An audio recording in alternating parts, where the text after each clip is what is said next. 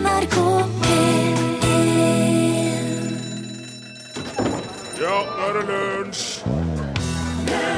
I dag er det nøyaktig 82 år siden forbudstida i USA ble avslutta. Og et av målene med det forbudet var å redusere kriminalitet og korrupsjon. Det virka jo fullstendig eh, omvendt. Så etter 13 år med forbudstid så ble loven oppheva 17.2.33. Lenny Kravitz, 'Always On The Run', hørte du i Lunsj i NRK P1. Velkommen hit. I dag bemanna av Are Sende Osen. Ja. Og eh, Rune Nilsson. ja, hei!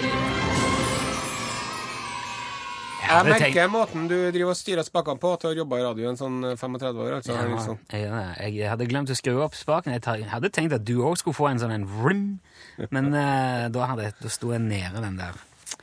Ja, dette er altså lunsj, og vi er fortsatt uten vår eh, faste produsent Torfinn Borchhus. Ingen som merker noe til det Jo, vi merker det- litt til det. i, det daglige. Ja, vi merker, jo at, vi merker jo at det blir litt sånn eldre. Vi blir litt mer sirumpa. Ja, det er roligere. Ja, for han Borchhusen han, er- han har litt sånn ungdommelig energi han, med er jo, seg. han er jo bare en liten gutt. Ja.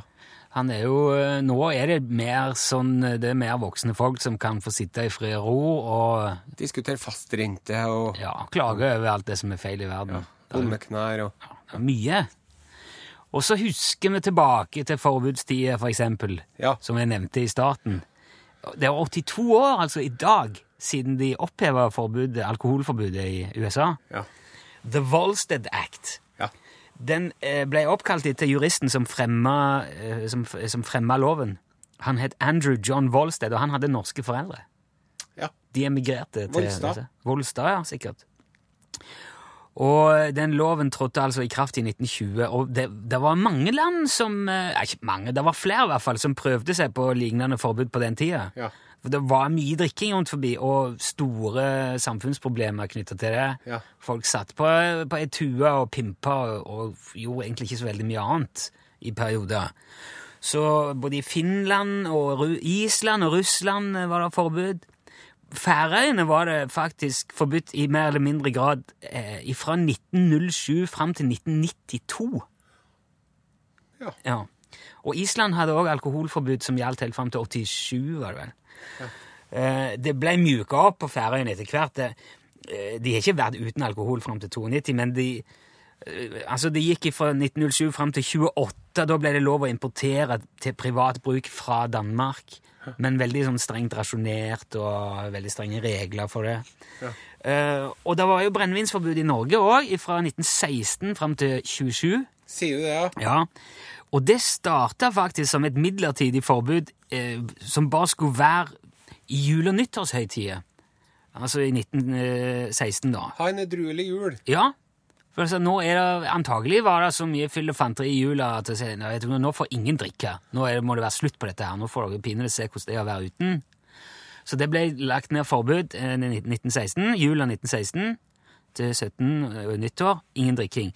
Og før Stortinget rakk å oppheve det forbudet igjen, når de kom ut i januar i 1917, så gikk politimesterne i Oslo og Trondheim og Bergen sammen, og så skrev de en, en henvendelse, en felles henvendelse, hvor de sa kan ikke dere bare fortsette med det der?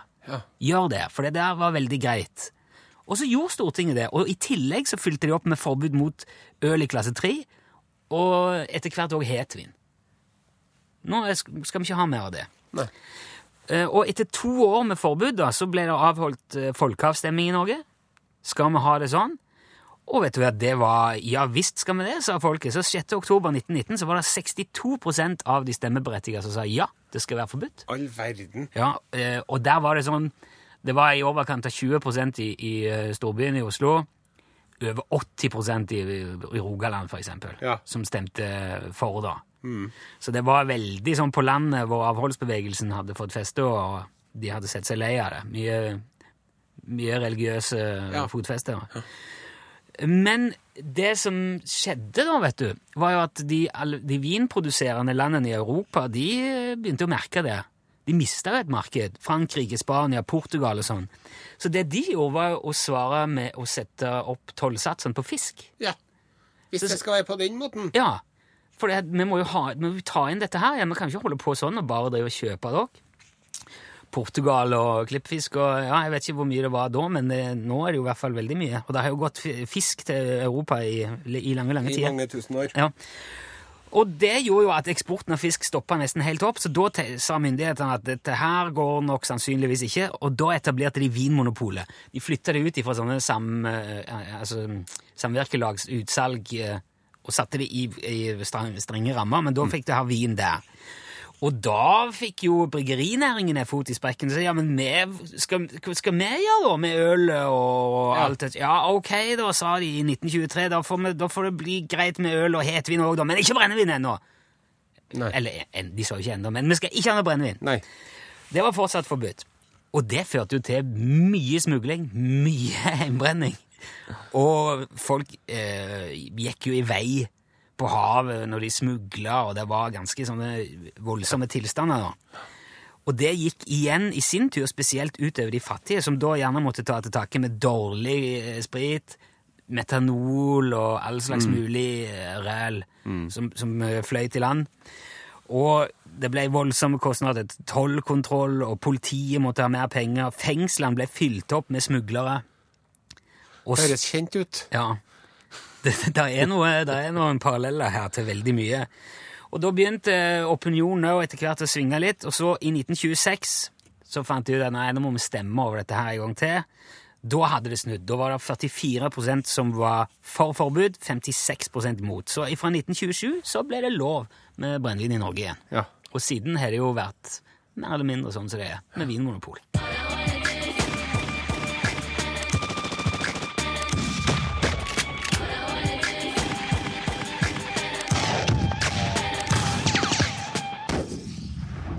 Yes, Da har jeg sendt eh, herr Nilsson Rune ut for å ordne en kopp kaffe. Og så har vi fått besøk i studio av Lunsj sin egen våpenekspert, Johan Remington Ståhl. God dag, god dag. God dag, Hyggelig å være eh, her. Vi har jo ikke møtt før, men eh, det, dette, dette var jo moro. Ja, Jeg, er veldig, jeg, jeg syns det er veldig hyggelig å treffe nye mennesker. Ja. Eh, fra en eh, våpenekspert til en annen. Ja, det er er så bare sky- skyttermiljøet, da. Ja, eller jeger, i hvert fall. da. Ja, ja, ja jeger, skytter, samme gjengen. Ja. Du, Ja. ehm, Johan, eh, er det så at Lager, fyller du, lager du dine egne patroner når du driver med skyting? Ja, eh, altså begge deler. Jeg lader veldig mye egne patroner. Ikke alt, men eh, så mye som mulig. Altså, det er jo en veldig hyggelig syssel å sitte i kruttbua i kjelleren, pusle med vekt og presse og smøremidler og laskefett og rillekroker og pusse hylsebarken skinnende blank og fòre gjennomslaget grundig før tennstiften kommer i, og så presse sammen herligheten til et lite eksplosivt kunstverk med egne hender. Det, det er jo noe eget ved det. Ja, ja? Ja, det syns jeg, jeg er veldig moro. Få litt sånn ro i sjela av det.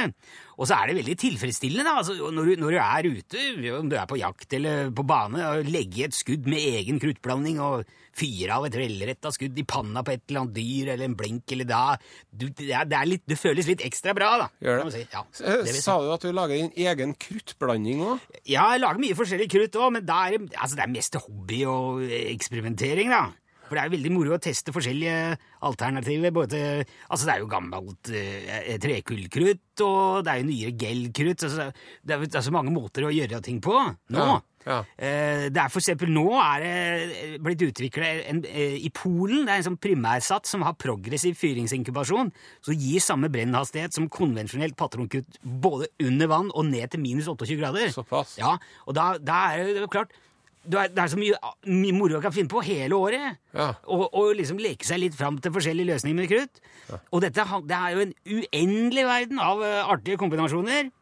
Du skal vite hva du driver med, selvfølgelig. Ja, for det er jo ikke ufarlig, det Nei, der. det er ikke det. Jeg kjenner en kar som eh, han bestilte kaliumnitrat på postordre fra Kina. Så fikk han tilsendt en høyeksplosiv lamellkarantene med ustabil kjerne isteden, og det ser jo nesten helt likt ut, vet du. Mm. Hvis du Du må nesten ha grains på øyemål, ellers, så, ellers så, så merker du ikke. Og han sitter jo nå i dag og la, eh, lader patroner med tre fingre. For å si det sånn. Ja, han gjør det. Det er farlige greier. Du, Johan Remington Ståhl, du har jo erfaring med forskjellige våpentyper. Veldig interessert i våpen. Har jo, eh, har jo satt mine bein i, i veldig mange forskjellige opp gjennom åra, ja. Mm. Har, Har du vært borti sånn, sånn luger? Lugeren, ja. Ja. Ja, det er en klassiker. Ja. Hvilke fordeler er lugeren har framfor andre håndvåpen? Nei, ja, den er jo Den har ikke noe sånn veldig eh, for, Altså, det er jo åtte i magasinet, da. Ja. Og så er den jo, den var jo veldig spenstig og, og frisk da han kom. Det var jo Georg Luger som fant opp den eh, Han blei jo opprinnelig laga i 1899. Men det de fleste ikke veit, var at det var en nordmann, en nordmann som var med på det der. Han het Jonsrud, kom fra Hønefoss. Oh. Ja, Han eh, dro til Oberndorf og fikk seg jobb som klinkelasker på Mauser-fabrikken der. Og dreiv med Det var mye sånne enkle falseklinker og serielaskinger på alle mausere med fortetta avgangsløp. Ja. For på den tida så hadde ikke Mauser-våpna fleksible taskehetter. Nei, nei. Nei, Så grisnakken blei jo klinka til klumpfoten med en serie inverterte nagler. Aha. Og det eh, dreiv han med, han der, han, eh, vår venn eh, Jonsrud. Ja. Eh, og det hadde jo Georg Luger egentlig også tenkt å bruke til denne eh, nye Lugeren sin. Og Derfor hadde altså første prototypen hadde bare sju patroner i magasinet. den. Fordi at de naglene måtte jo ankres i rumpesprekken, og da går det fort en 8-9 millimeter ekstra i, i naglefalsen der. Aha. Eh, men denne unge Jonsrud fra Hønefoss han var ikke født bak en busk, så han hadde, han hadde en idé der, ser du. Han kappa avgangsløpet i to på langs, og knakk en fals der i motklemmer. Åh. Ja, så da slipper han hele den naglefalsen, og så kunne han skli klumpfonten over rumpesprekken, slik at den gled på plass og ble låst der, med mottaker. Ja. Ja, og dermed var det altså plutselig plass til 80 i magasinet, og det blei jo veldig godt mottatt. Men de røyk visst uklar, og han øh, Jonsrud forsvant på et tidspunkt. Og siden øh, Ja, det er, litt, det er noen sånne uklare greier her, men uh, Lugeren ble jo veldig populær. Brukt både i Tyskland og mye her hjemme òg, faktisk. Den ble brukt av enkelte i hæren helt fram til 1987. Oh. Ja, Så der tenker vi lærte litt om Luger. Det gjorde vi. Det er et Eh, øh, morsomt våpen. Johan Remington Saal, tusen takk for at du kom. Tusen takk for at jeg kom. Hyggelig. Informativt og opplysende. Ja. Nå skal vi gjøre musikk her i lunsj. Oslo S, det brenner under beina mine. Å, fy da.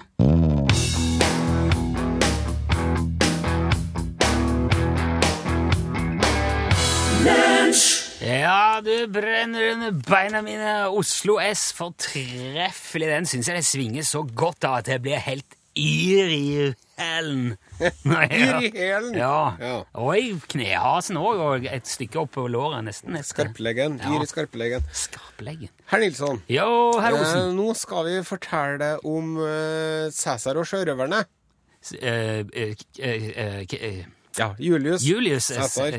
Den skallede horebukken, som de kalte den. Ja vel. Ja. Det har jeg ikke hørt. at Nei, er når han, eh, de, um, de soldatene hans var så glad i en Cæsar sjø. Og så hadde de sånn, eh, de hadde sånne kallenavn. De drev og sjikanerte den og sånn. For det var veldig sånn røff tone. Men er det, nå er det Unnskyld min, Ja. tilgi min uvitenhet Ja. her, men nå snakker vi altså han uh... Han som er med i Asterix. Ja. Ja. Er han med i Bibelen nå? Er han uh... Nei, han er før keiser Augustus, han, vet du. Ja, det er Augustus, det, ja. Ja, ok. Det var han Julius, som innkalte til eh, manntall i hvor det var. Ja vel. Ja, Det var under keiser Augustus, som det står i juleevangeliet. Ja. Onkelen hans het for eh, Julius Cæsar. Nettopp. Nå er jeg med. Da. Og han Julius Cæsar, han var jo en, eh, en litt av en mann. Jaha. Ja. Og var eslet til noe stort. Sant? Ja, ja, jeg skjønner. Og det er jo der uttrykket både keiser og tsar og alt kommer jo av han. Det er han som fant det på. Ja, for at det var det liksom Alle sammen ville være Cæsar, da. Han ville jo være Alexander den store sjøl, men uh, okay. sånn er det. Men i hvert fall, da. Når han Julius Cæsar var en ganske ung mann, når han var sånn ca. 25 år gammel, så var han på vei til Grekenland på studietur. Ja. For han skulle til Hellas og studere klassikerne. Så Stammelsesreise. Ja. Uh, jeg har jo vært på studietur til Hellas sjøl. Det var helt fantastisk. Ja. Eh, og så, på vei dit, så ble han tatt til fange av sjørøvere. Silisiske sjørøvere, intet mindre. Silisia det er et område som i dag ligger i Tyrkia. Ok. Og dere silisiske sjørøverne de fikk egentlig holde på som de ville av romerne, for at de ordna slaver til romerske senatorer. Nettopp. Sånn at uh, det var liksom litt positivt og litt negativt, men i hvert fall det var masse sjørøvere i det området her. Det jevna seg kanskje ut i, i det lange løp. Ja. Og så tok de en Julius Cæsar til fange. Da var jo bare han en up and coming eh, adelsmann fra Romer, Roma. Sant? Ok, Så han var ikke liksom noen tro... Nei, han var ikke blitt sjef over alt ennå, da. Skjønner jeg. Og så sa de ja, nå skal vi holde deg til fange for løsepenger. Og vi vil ha 20 talenter for deg. Uh, og uh, Det eh, høres ikke så mye ut. Nei, men- talent er 23 kilo med sølv, da. Oh, Så de skulle ha 460 kilo sølv ca. for en Cæsar, da. ok, det, det, det høres veldig mye ut. Ja, men han Cæsaren sa eh, 23 talenter? Nei, 20 talenter! Vet dere ikke hvem dere har tatt til fange? Dere har jo tatt Cæsar til fange! Dere skal i hvert fall ha 50 talenter for meg! sa han. Tuller? Nei, så sa han. Men må være, må være klar over det at når jeg har kjøpt meg fri, så kommer jeg til å komme tilbake og ta dere og korsfeste dere, hele gjengen. Så sa de ha for en artig fyr, han var så frekk og freidig og sånn. Så sendte han av gårde noen av de tjenerne sine til, tilbake til familien sin med beskjed om at vi er nødt til å ordne 50 talenter, altså 1150 kilo sølv, for å få kjøpt fri en Cæsar. Og Cæsar drev jo levde sammen med de piratene der i en måneds tid. Ja, det tok Og- vel kanskje det Ja, med båt og alt, da. Ja. Og var med dem, vet du, med, når de drev jo de drev og holdt på med sånn leker og øvelser, og drev sikkert med litt bryting, og jeg vet ikke de holdt på med, men de drev holdt på med ting for å få tiden til å gå. Ja, Og Cæsar var med på det. Okay. Og de ble jo sjarmert av den unge mannen, og han drev og skrev dikt og taler som han drev og leste opp for dem. Og, og når, de, når han syntes at de bråka for mye når han skulle legge seg og sove, så sendte han tjenerne sine og sa nå syns Cæsar at dere må ta så råkerne, for Cæsar skal sove, så nå må dere holde kjeft. De var sånn ha-ha-ha, ja nei, for en artig fyr og sånn. Og så kom jo løsepengene, alle de eh, 50 talentene, 1150 kilo sølv. Cæsar fikk fære av gårde. Så drar han bort til nærmeste havn og eh, ordner seg en hær med folk. Og drar tilbake igjen og fanger alle sammen. Og så tar han dem med bort til, til lovens lange arm, som var liksom den nærmeste guvernøren i den nærmeste byen. da. Sånn, her er de forbanna sjørøverne som kidnappa meg, og nå må vi ta så, ta så korsfeste dem hele gjengen, for det har jeg sagt hele tida at vi skal gjøre. Og så han guvernøren ja, men det er ikke mye lurere å bruke den der som slaver, da. For han så muligheter til å Tjene penger på det. Ja. Ja, nei, så ble han 67, så tok han jo bare og Han, jo, jo, han gjorde jo som han sa, han tok jo og korsfesta dem, hele gjengen. Men vet du hva? For å være grei, så tok han og kutta over strupen på dem først. Ja, det That's the kind of guy he was, liksom. sånn, Kul fyr. en. Streng, men rettferdig. Kjære for... Hva er en annen tid.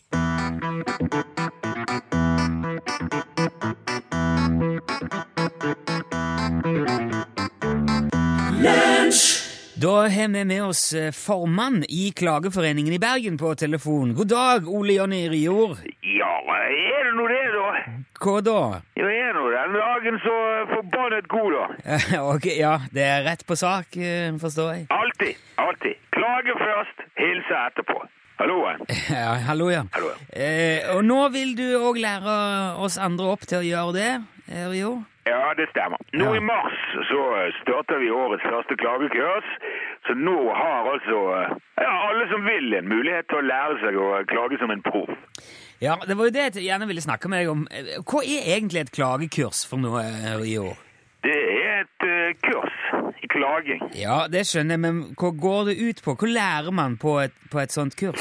Altså, la meg nå først si at, at eh, det går jo fremover Eh, det går fram? Med, med, med klagingen. ja, å ja. Ja, ja, Vi nordmenn er mye bedre på klaging i dag enn vi var for bare noen få år siden. Altså, Vi klager på prisene, på vær og trafikken, og, Ja. og innvandrere og politikere, helsevesen og politi og lærere og eldreomsorg og programmene på TV og idrettsstjerner og fotballdommere og ungdommen og de eldre. Det er, masse, det er veldig mye bra klaging der ute. Ja vel. Det, det syns du er en bra ting?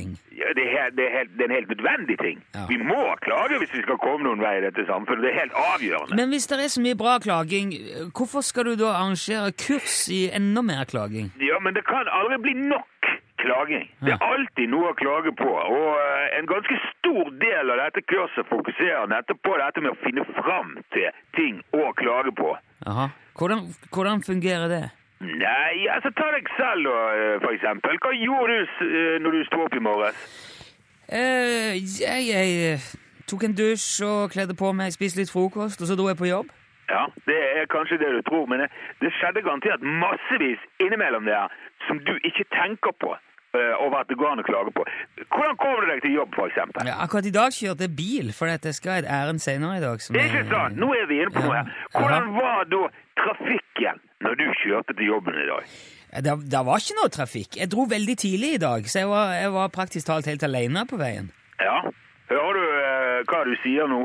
Ja, jeg Ja, Skal det være sånn i verdens rikeste land i 2015 at folk er alene på veien? Jo, jo, men det er jo helt supert. Det er jo fred og ro og, og god plass. Det er jo flott, det. Jo, da. jo, men du tenker at Hvis flere hadde stått opp tidligere og dratt på jobb, da, da hadde det jo blitt mye bedre for alle litt senere på dagen. Forstår du? Du kan, du kan klage på at ikke trafikken er spredd mer ut over dagen. Men, men, men det plager jo ikke meg i det hele Hvorfor skal jeg klage på noe som jeg syns er helt eh, supert?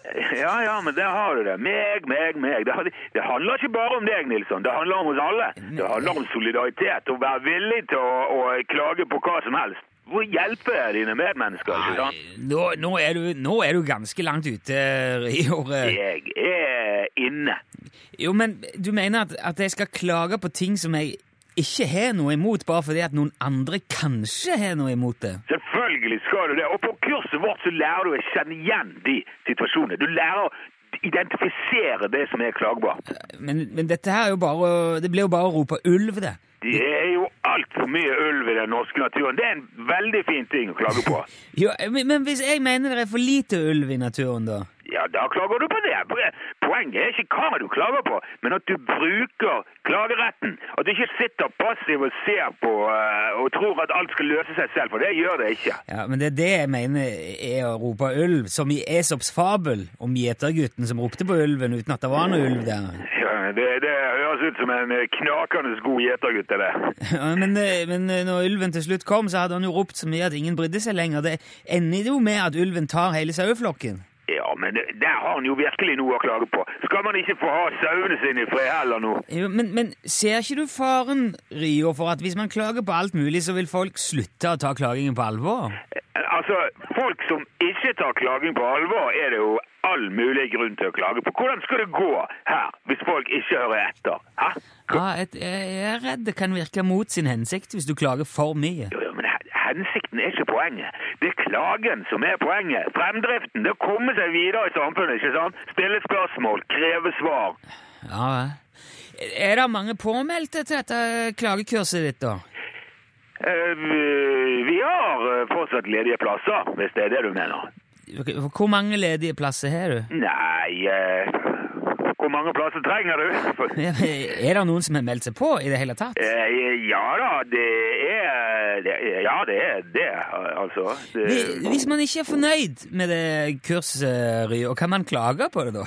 Vi forventer klager på kurset. Det er en del av kurset. Okay. Hvis ikke du klager på kurset, da kan ikke du forvente å få diplom, for å si det sånn. Ja, ja. Det, det høres veldig slitsomt ut for meg, men det er nå et fritt land, så folk må vel få gjøre som de vil. Ja, nå dette landet så fritt da? Takk for at du var med i lunsj. Formann i Klageforeningen i Bergen, altså. Ole Jonny Ja, Rio. nå har jo ikke jeg fortalt hvordan man melder seg på, og når kurset starter. Nei, det var jo leit, da. Ha det bra, Rio. Ja, men nei, dette kommer jeg til å klage til Kringkastingsrådet, for jeg Ok. betaler kringkastingslisens. eh, Det er sånn jeg forventer at du informerer om disse tingene. Og det-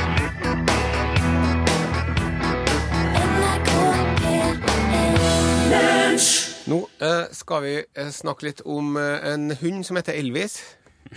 Det er jo et kult navn på en hund, da. Ja. Elvis, kom! Elvis!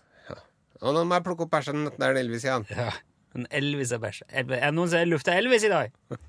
Det er mye der. Ja. Vi skal på ferie. Kan du passe Elvis? Og Elvis kom hjem dritings. Nei, det var, Nei, det var annet. det var noe ja. Du, eh, det er sånn, vet du, at nå, nå tilsynelatende nå så begynner jeg å snakke om noe helt annet, men jeg kommer tilbake til den, Elvis. Ja, ok. ja. Jeg stoler på deg. Eh, dyrehaver verden over, de eh, vil jo gjerne ha en isbjørn. Ok, det, Er det liksom den hellige gralen for dyrehagen? Nei, men det er litt sånn alle dyrehaver, men eh, med respekt for seg sjøl. De har en liten isbjørn eller to som kan eh, plages i varmen og få litt sånn eh, mønsteraktig oppførsel for at den ikke lever under tilstrekkelige eh, vilkår til å ha det bra. Skjønner, skjønner. Men det er noe sånn det er. Ungene elsker jo å se på isbjørnungene, og det er også veldig viktig at de har isbjørnungene eller isbjørnene. Ja. Sant? Men så er det med isbjørnene at de Altså, en hund kan jo fort få en sånn ti-tolv unger i slengen. Jeg, jeg kan I. I hvert kull. En hund, Sier du det, En, en vanlig hund får Ja, en eh, hund, ja! ja en hund. Ja, jeg trodde det var en isbjørnhund. nei, for isbjørnhunden får, får kanskje én eller to barn Ja, i var- slengen. ja, ja. Så de har en veldig sånn lav uh, fødselsrate, eller hva skal kalle det. da. Ja, ja, ja. Og så er en annen ting som er ganske sånn uh, frustrerende når man driver og skal lage isbjørnunger til dyrehaven sin, Det er det at, uh, at isbjørnhuer de opplever noe som kalles for et falskt svangerskap. Det vil si at de eh, Sjøl om de ikke er blitt gravid, så legger de på seg masse. Ah. Og så begynner de å bygge et rede og liksom ordne klart til babyen. Så de, de tror at de er De svangre. tror på en måte at de er gravid, mens de er pseudogravid, som det heter. Oi. Men så, når den babyen skal komme, så kommer det aldri noen baby. Nei. Nei, Så det som de eh, må gjøre da, rundt omkring i dyrehavene, det er at de må sette opp kamera og sånn til å filme. eh, Og så må de se kommer det noen baby. Og så hvis ikke ja, den var gravid. Hvis det ikke kjenner, en baby Den var ikke gravid likevel. Det var bare en pseudograviditet. Her, her er det at, uh, at, at Elvis kommer inn igjen. OK. Ja, for at hunder vet du, de har jo noen fantastiske neser. Ja. De eh, driver og sniffer etter narkotika og etter eh, eh, folk som har rota seg vekk, og folk som er under snøen, og, og bombehunder, og you ja, name it. Hvis det går an å lukte etter noe, så kan en hund gjøre det. Og det er fordi at hunden har så fantastiske eh, Den har så utrolig bra utvikla nese, den hunden. Mm. Vi har for i, i, I vår menneskelige nese da, så har vi fem millioner reseptorer eh, i det olifaktoriske epiteliumet. Vet ikke hva det betyr, men vi har i hvert fall Vi har fem millioner sånne eh, luktereseptorer. da. En hund har 300 millioner, ja. Å, kjære Ja, så er- vene, det er så ja. Og så står det 35% av en hundehjerne brukes til lukt. OK. Ja. Så det han Elvis gjør, vet du Tror du at han drar rundt og lukter oppi, oppi dåsa til isbjørnene for å sjekke om de er gravid? Nei, det trenger de ikke å gjøre. Vet du hva de gjør? Nei. De får tilsendt isbjørnbæsj. Og så Ah. lukter en Elvis på den, og så hvis han mener at her er noen som er gravid, så setter han seg ned, og så nikker han, og så får han en sjokoladebit. Du tuller nå. Og han Elvis tar aldri feil. Men 97 eh, korrekt er han når han driver og sniffer. Og det som var så fantastisk, var at han, de hadde fått tilsendt en bæsjeprøve fra en isbjørn som det sto var negativ, at den ikke var gravid. Så sier Elvis jo, den her er gravid. Og så tok de og sjekka på nytt, og så viste det seg at Elvis ja, for det finnes, en, det finnes en slags kjemisk eh, vitenskapelig måte å gjøre det på? Ja, det altså. finnes en kjemisk vitenskapelig måte å gjøre det på, men den, den er ofte feil. For at når de er sånn pseudogravid, da, når de tror de er gravid sjøl, så skårer de ofte litt mer hormonene der òg. Så en Elvis, ja. han er eh, bedre, altså. En viten, bedre Ja. enn vitenskapen. Så øh, hvis du ser en isbjørnunge neste gang det dirrer deg, så kan en Elvis har vært med og bestemt at den her er gravid.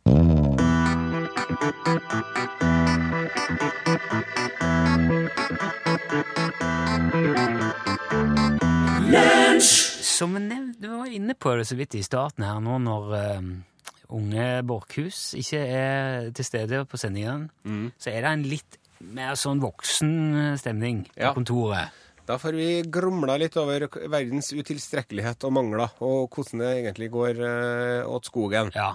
Da dukker det gjerne opp sånn tematikk som det gjorde i, i går òg, om priser på ting. Hvordan man kan spare øh, tyvetalls kroner ved å velge billigere tannkrem. Ja, Ja. de tingene der. Og jeg har jo et nytt eksempel som jeg fortalte deg, som jeg tenkte å dele med lytterne. Ja, det, ja, Jeg var jo på kino i går og så så en øh, Shaun the Sheep med ungene. ja. Og det er en av de beste barnefilmene jeg har sett på lenge. Ja, det var, ja, det var bra. Fryktelig artig og underholdende film. Riktignok var ikke Janne Formoe med, men eh, når det er sagt, så hadde den eh, en del andre kvaliteter som Karsten og Petra-filmen mangler, må jeg få lov til å si. Ok. Eh, Men i hvert fall så Så er det så at det koster jo utrolig mye penger å dra på kino, vet du. Det, er helt jo helt lapsterisk gale. det koster jo over 100 kroner per person, så det koster jo 400 kroner bare for billettene. Jeg har sjekka det, jeg kan sjekke det Ja. um, litt sånn eh, nøyaktig, eller i hvert fall ja, Altså For to voksne og to barn på Sauen Shaun-filmen i Trondheim så koster det 380 kroner. Ja. Og så har du da i tillegg dette her med litt godteri og drikke i kiosken på kinoen. Nei, har ikke jeg så. Nei, at, uh, men bare, ja, jeg bruker ja. det som et eksempel, da. For hvis du gjør det, Ja. eh, så må du regne La oss si at du skal kjøpe en popkorn da, Ja. til hvert barn. En mellomstor koster over 70 kroner, mellom 70 og 80 kroner. Ja. Uh, en brus uh, fort over 30. Sjokolade som koster 15 i butikken, koster også fort 30 på kino. Kanskje mor og far vil ha en Farris, ei eske av Kongen av Danmark, et eller annet eh, å, å ha med seg. Du er faktisk ganske fort oppe i eh, 350-400 kroner i kioskvarer òg. Pluss at parkeringa koster 70 kroner. så Parkering, det er jo ikke tatt 1000, Og bompenger og alt. Ja ja, men nå må vi jo Ok. Men, Men bare for det ble kinoen, da. ikke- Det ble ikke så dyrt til meg, sjø. Nei, men bare Ja. for å ha sagt det, for du kan altså regne med eh, opp mot 800 kroner hvis du er en familie på fire og går på kino og kjøper godteri i kiosken. Ja, men totalt. man gjør jo ikke det. Man kjøper jo ikke godteri i kiosken. For det man gjør Man popper popkorn sjøl før man drar, og har det oppi et soddspann som man har liggende i en skuff. Det er sånn trøndere har liggende, Mm. da. Soddspann. Og så uh, hadde jeg også en, uh, en trepakk med smurfedrops som jeg hadde kjøpt uh, til halv pris for at de holdt på å gå ut på dato. og så hadde jeg med vann i ei flaske. Ja. Så jeg gnei meg hendene under hele filmen. Og når jeg så de andre familiene som kom, vet du, fedrene som kom gående der med nettopp de popkornboksene og bacongullboksene og bruskartongene og alt mulig som man får Ja. eh, overvekt og diabetes av på en gang, ja. så tenkte jeg ha-ha-ha. Her sitter jeg sunn og rik. Sunn og rik. Ja. Hvis du i tillegg hadde klart å vente til filmen kom på Blu-ray, så ville han ligget på mellom 149 og 199 kroner. Da kan alle se han så mange ganger de vil. Men da Hvis noen må på do, så kan du bare- først. Nei, det er jo det verste av alt, da. Altså, hvis, når du, en, på en eh, betalkanal så skal det ikke være reklame. Nei. Og kinoen er en betalkanal. Og når filmen skal begynne klokka seks, og de fortsetter å sende reklame til nærmere ti på halv sju, ja. Ja. da blir jeg nesten enda sintere, altså. Forferdelige reklamer òg, vet du. For jeg husker når vi var liten, vet du, Nils Sant, da var det jo litt sånn artig med reklame. Da brukte jeg seg du for den, og jeg for den, og du Ja, for den, og sånn. ja. Så var det reklame for det var Nå tenker Juicy fruit gum is a package full of sunshine. A Bright package sunny full of sun- favor you can carry along the way. So reach out for another sunny day. Juicy fruit gum is a package full of sunshine. A package full of sunshine. Ja, det var tider. Og så Ja, det var tider. Men nå så er det bare drit. Og det går mot slutten av lunsjen, men det betyr bare at det går mot starten av norgesklasse. Det er jo, eh, hva skal jeg skal ikke si fra asken til ilden, men fra det ene til det andre. Du, den her musikken passer veldig bra til det temaet skal ta opp i Norgesklasse i dag, for vet du hvem som skal være gjest hos oss i dag, du? Jeg gjør jo ikke det. det er jo, vi håper jo at du skal fortelle det. Det er litt av gevinsten med at du kommer inn her på at du forteller de tingene, for det er gjerne sånn vi ikke vet på forhånd. Aune Sand. Oh lord. Ser du det, ja? ja, ja. Da blir det champagne, da. Ja, det, å, du, det hadde vært helt supert. Men det er altså 20 år siden Dis hadde premiere. Ja. Husker dere det? Husker dere Brudulja som Ja, ble rundt det? ja, ja. Eh, ikke det ikke, Synnøve hadde en dragning mot tunneler. Ja, du husker til og med et av sitatene? ikke sitt den. Ja, du Aldri sett den. Den er legendarisk, og den har masse sitater inni seg som er veldig morsomme. Eh, Det er som en magisk kjærlighetsreise. eh, Og eh, det sier i hvert fall Aune sjøl. Han Ja. mener at det er et mesterverk. Ok. Veldig mange andre mener at det her eh, ikke er noe å samle på i det hele tatt. Men eh, hører i eh, Norgesklasse i dag at han har fått en slags oppreisning. Mer om det altså i dagens sending. Ja, der sa han et sant ord. Hør flere podkaster på nrk.no podkast.